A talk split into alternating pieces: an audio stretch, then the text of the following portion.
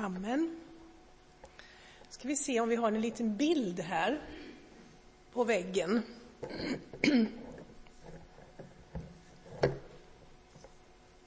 Syns det eller är det för ljust? Så. Okej, okay. är det någon som ser vad det är? Ni som eh, har hört det innan får inte svara.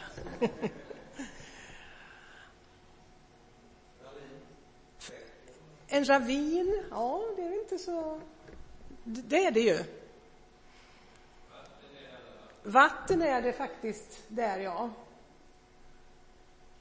Det är... Mm. Det har börjat komma lite vatten där. Det är inte alltid det. Men eh, om man ska vara riktigt eh, ja, specificera vad det är så är det en vadi. Och vad är det?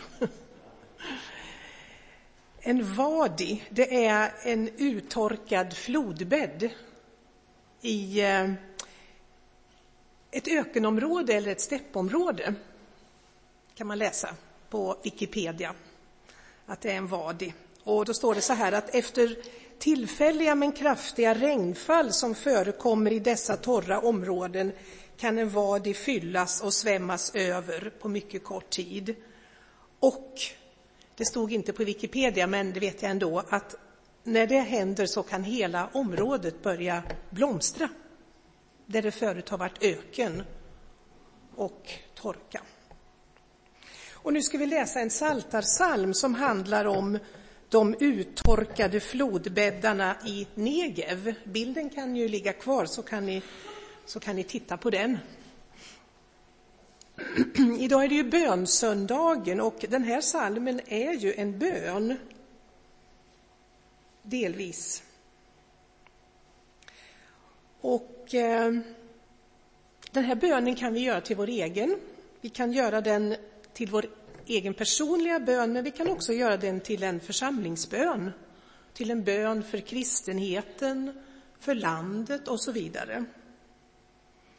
Och det här är en av de så kallade vallfartssångerna som man förmodligen då sjöng, när pilgrimerna sjöng när de vandrade upp mot Jerusalem vid de stora högtiderna, påsk och pingst och lövhyddohögtid.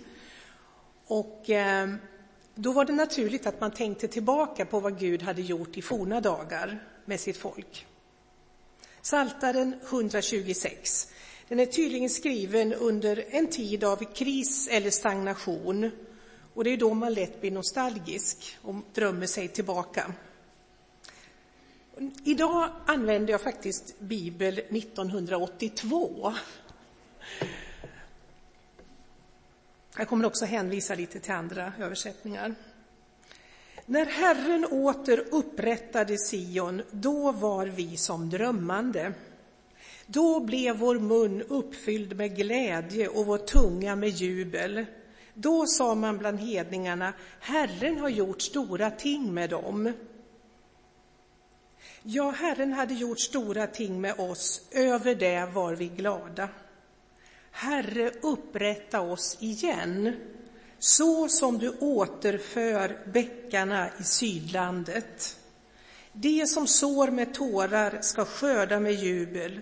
De går ut gråtande och bär sitt utsäde. De kommer åter med jubel och bär sina kärvar. Den här salmen handlar förstås om Israels situation, men vi kan som sagt tillämpa den också i andra situationer. Den första versen, där det står om att Herren upprättade Sion, eller det står om att Herren vi ska se, hur stod det här? Ska jag inte säga fel? När Herren åter upprättade Sion, ja. Det kan också översättas när Herren återförde Sion, då var vi som drömmande. Och kanske var det så att man då tänkte på hur Gud förde sitt folk tillbaka från fångenskapen i Babel. Man vet inte, men det kan vara det man tänkte på. Eh, folkbibeln har gjort den tolkningen när man skriver när Herren gjorde slut på Sions fångenskap. Men det står inte så, men man har gjort den tolkningen. och i Bibel 2000 när Herren vände Sions öde. Men det som står, det vi kan läsa ut av, av eh, grundtexten, det är att när Herren återförde eller upprättade sitt folk, Sion, då var vi som drömmande. Här tänker man alltså tillbaka, man minns hur det kändes, man minns den där uppsluppna glädjen, den där oerhörda känslan av lättnad och befrielse, av festyran och dansen och sången. Bibel 2000 i vers 2. Då var allt som om vi drömde, vi skrattade, vi sjöng av glädje och jublet steg från våra läppar. Och det står att även omgivningen berördes, ryktet spred sig bland folket. Då sa man bland hedningarna, Herren har gjort stora ting med dem. Men det var då det. Nu när man tänker tillbaka på det här så är hjärtat tungt av sorg. Den stora glädjen är bara ett minne. Det är ingen längre som förundras över vad Gud gör med sitt folk. Kanske finns det paralleller med stora delar av kristenheten idag, åtminstone i västerlandet, kanske inte så mycket på andra, men i västerlandet. Det är mycket som är förtorkat och slocknat. Det finns mycket uppgivenhet, apati, förvirring. Och det kan vara olika saker och ofta är det komplext. Men det finns där. Men när vi går till psalm 126 så ser vi att det är inte sorgen och besvikelsen som får det sista ordet, utan det slutar i hopp och framtidstro. Varför? Jo, därför att man istället för att fastna i besvikelserna så använder man de här goda minnena som en språngbräda för bön. Det finns ju olika sätt att hantera de minnen vi har också över vad Gud har gjort. Man kan bli eh, man kan fastna i besvikelse, man kan också lätt bli cynisk. Att ja, ja, det var då när man var ung. Så är det när man är ung, men ja, ni vet. Sen har man blivit klokare. Och så. Men här använder man minnena som, ett språng, som en språngbräda för bön. Att Herre, upprätta oss igen. Gör det här igen. Och folkbibeln tolkar då, låt våra fångar komma åter. Och 2000, Herre vänd vårt öde. Hur ska det här kunna ske? Hur ska den här upprättelsen kunna ske? Jo, då tar salmisten fram två bilder från naturen som får ge näring till hoppet att det här är möjligt. Och båda de här bilderna talar om förändring och förnyelse, från död till liv. Men de pekar på något sätt, betonar olika sidor av Guds handlande.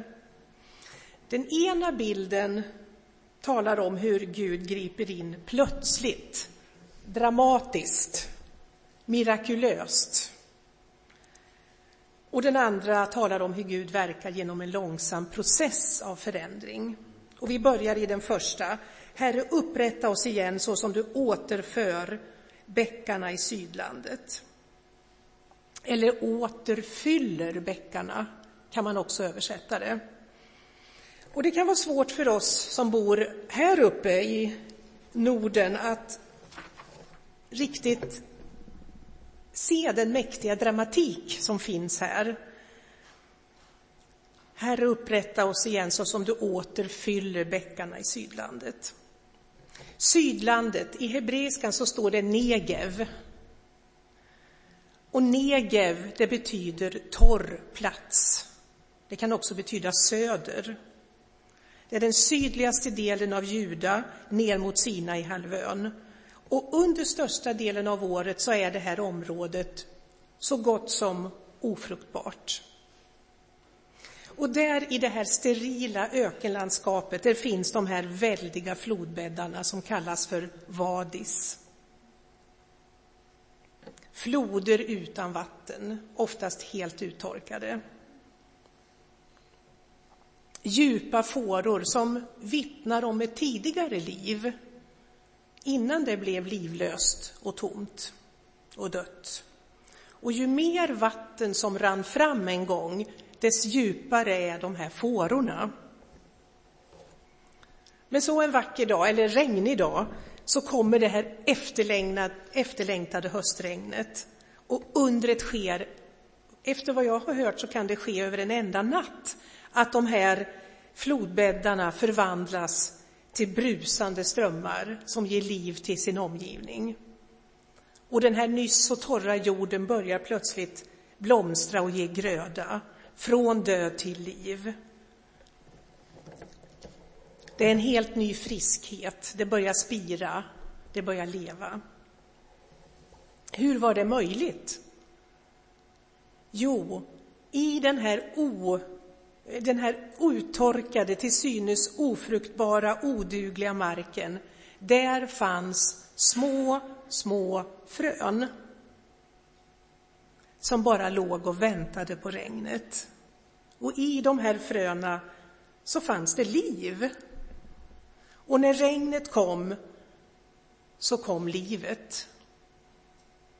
Och nu ber man alltså, Gud, gör ett likadant under med ditt folk. Herre, upprätta oss igen på samma sätt som du återfyller bäckarna eller floderna i det torra landet. Så dramatiskt och överraskande kan Guds ingripande vara i en människas liv, i en församling, ja, i en hel nation.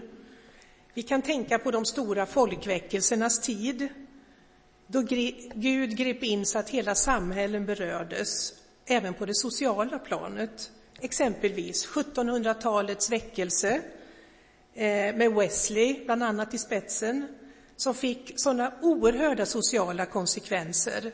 Ett exempel är ju att det ledde till slaveriets avskaffande. Det var ju en av metodisternas förgrundsmän som, eh, som verkade. Det var väl Wilberforce, tror jag han hette. Ja.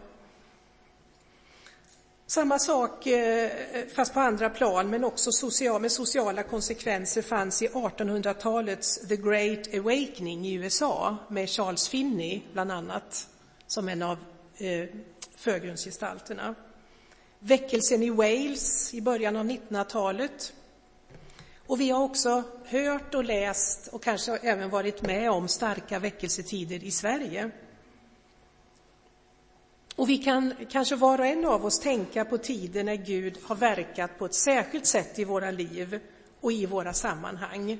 Jag minns för egen del den fräscha väckelsen på 70-talet, när det ibland eh, kunde kännas som att himlen var verkligare än det man hade för ögonen.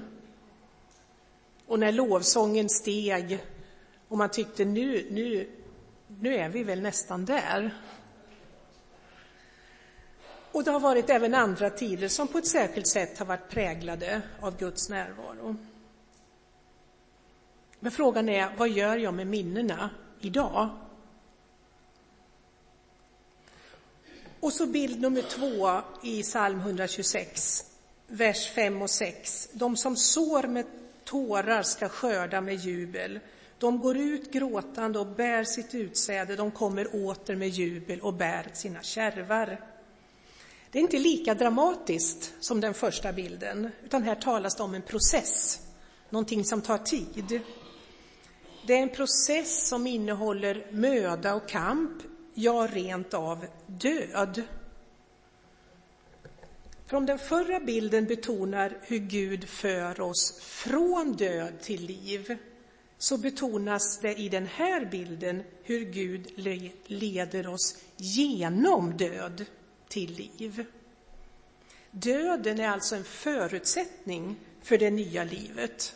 Och det gäller ju egentligen den förra bilden också, men det är olika betoningar. I gamla kulturer, som till exempel Israels, där var det så att eh, såningstiden var en slags sorgetid. Det förknippades med sorg. Och så när skörden kom, då var det fest och glädje. Vid pingst till exempel, det var ju en sån glädjehögtid, då firade man den skördade säden. Och vid lövhyddohögtiden, då firade man den skördade frukten. Och så är det ju ännu idag. Och så då, när man gick till Jerusalem vid de här högtiderna så kunde man sjunga till exempel den här sången. Så sådd och skörd, det är alltså förknippat med sorg respektive glädje. Liv genom död, liv som mognar och bär frukt, finns i dessa bilder. Och en förutsättning för skörd, det är att någonting har lagts i jorden för att dö. Och så var det också för Jesus. Han säger ju i Johannes, 24, Johannes 12 och 24 med tanke på sin förestående död. Om vetekornet inte faller i jorden och dör förblir det ett ensamt korn, men om det dör ger det rikt skörd. Han fick också så med tårar och så fick han skörda med jubel. Jag läste för några söndagar sedan från Hebreerbrevet kapitel 2, vers 13, där Jesus säger Här är jag och barnen som du har gett mig. Men han fick så i tårar och så får han nu, genom oss var och en som kommer till honom, så får han skörda med jubel. Och en dag ska han stå där inför far och säga, se far, här är jag och barnen som du har gett mig. Och därför säger också i brevbrevsförfattare att för att få den glädje som låg framför honom så utstod han korsets lidande. Men tillbaka till Johannes 12, där fortsätter ju Jesus i vers, 24, vers 26 och då tillämpar han samma princip, vetekornets princip, också på lärjungens liv och lärjungens väg när han säger om någon vill tjäna mig ska han följa mig, alltså på vetekornets väg. Och där jag är kommer också min tjänare att vara. Om någon tjänar mig ska min fader ära honom. Den som sår med tårar ska skörda med jubel. Det här är också ett ord till alla föräldrar som ber för sina barn. Eller tvärtom också, kan det vara. Vi behöver båda de här bilderna. Sådden och skörden som tar tid och de uttorkade flodbäddarna som över en natt kan förvandlas till de här livgivande strömmarna. Och i båda fallen så är det Gud som ger växten. De frön som ligger i jorden kan gro och växa därför att de bär på liv ifrån Gud. Det är bara Gud som skapar livet. Men han vill ha oss som sina medarbetare och det framkommer ju i den andra bilden, den som sår. Han vill ha medarbetare, han vill ha oss med.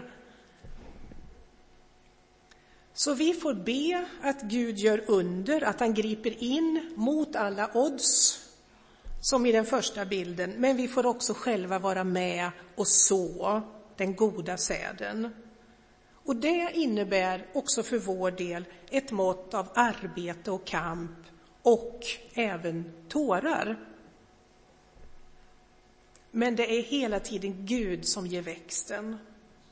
Vår uppgift är att vara trogna i såningsarbetet även under de här torra tiderna. Vår uppgift är att ge ut det som vi har fått. Kärleken, omsorgen, Guds ord.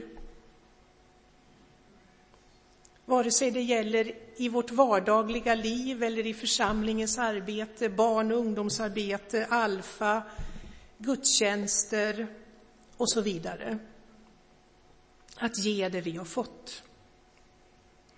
Och kanske kommer de frön som vi sår att ligga gömda i jorden under många år. Och vi undrar, vad blev det egentligen? Var det någon idé? Hände det verkligen någonting? Men så en vacker dag så händer någonting som gör att det börjar gro. När Guds och människans tid är inne och Guds ande utgjuts över det lilla fröet. Då kan det börja blomstra där det förut inte sågs några tecken på liv.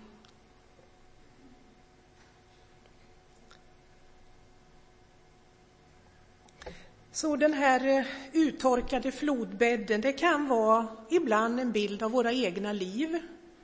Det kan vara en bild av församlingen, ja kanske hela den västerländska kristenheten.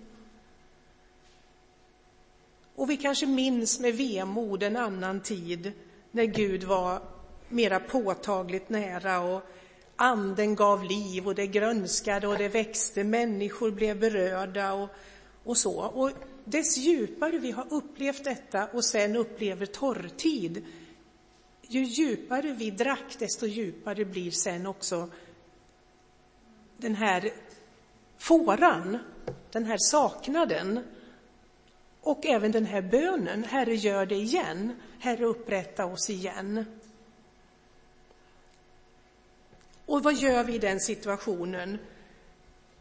Då tror jag, jag ville bara nämna det, jag tror att en nyckel i den här situationen, i den här torkan, det är att kännas vid vår fattigdom. Att inte försöka gå runt den. Att inte sätta igång med egna försök som bara skapar kramp och större trötthet. Utan överlämna oss som vi är med vår fattigdom till den Gud som skapar liv ur död. Och då har vi ju orden till exempel från Jesaja 30, var stilla, vänd om.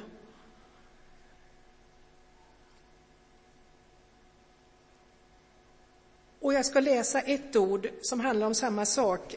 Ehm, det är ett ord till israeliterna en gång när de befann sig i en väldigt trängd situation. Eh, de hade havet framför sig och faraos här bakom sig, så det var inte mycket egentligen att hoppas på, rent mänskligt sett. Och då säger Gud genom, genom Moses, eller Herren säger till Moses, eh, Herren talar till Moses så att Mose får säga till folket, frukta inte, stå fasta, så skall ni se vilken frälsning Herren idag ska bereda er. Ty aldrig någonsin skall ni mer få se egyptierna så som ni ser dem idag. Herren ska strida för er och ni ska vara stilla därvid. Eller i, bibel, eh, i folkbibeln, var inte rädda, stanna upp. Stanna upp och bevittna den frälsning som Herren idag skall ge er. Och sen säger han, Herren ska strida för er och ni ska hålla er stilla. Att stå kvar, att bli stilla, att stanna upp, att stanna. Det kan handla både om att stanna i Kristus, även när det är torkan, att jag går ingen annanstans, jag stannar här hos dig, även när det är så här torrt och, och, och så, va? så är det dig, det är dig jag älskar. Men det kan också vara att vi behöver stanna i smärtan. Att så att säga inte gå runt den, inte döva den, utan ta den, vara i den, bära den till Kristus. Och vänta tills undret sker tills den här processen leder fram till växt. Det sker inte genom våra metoder. Vi kan aldrig skapa varken förnyelse eller väckelse. Och vi kan inte heller peppa oss fram eller förmana oss fram till detta, utan det är ett verk av Gud som vi får öppna oss för. Och vi får bära fram också den här apatin som vi ibland kan känna. bära fram den och säga så här är det. Det här finns också i mitt hjärta, men jag vill bära det till dig. Och så vill Herren komma med sin ande över de här fröna som ligger där och bara väntar på vare sig det är i våra egna liv eller i vår omgivning, där det finns så mycket goda frön som ligger och väntar på regn och att få slå ut i blom, blomstra. Gud kan komma så där överrumplande och dramatiskt som höstregnet i Negev. Men andra tider så pågår det här stillsamma växandet.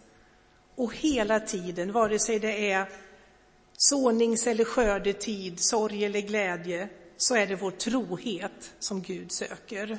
Det är troheten som han söker. Och hans väg med oss är vetekornets väg, genom död till liv. Och jag tror att när vi erkänner vår brist och vår längtan, för vi har inget annat att komma med, då är det för Herren som en kärleksgåva när vi ger det till honom. Och vet ni vad hans kärleksgåva till oss är? Det är anden som kommer och vattnar den torra marken. Ska vi be?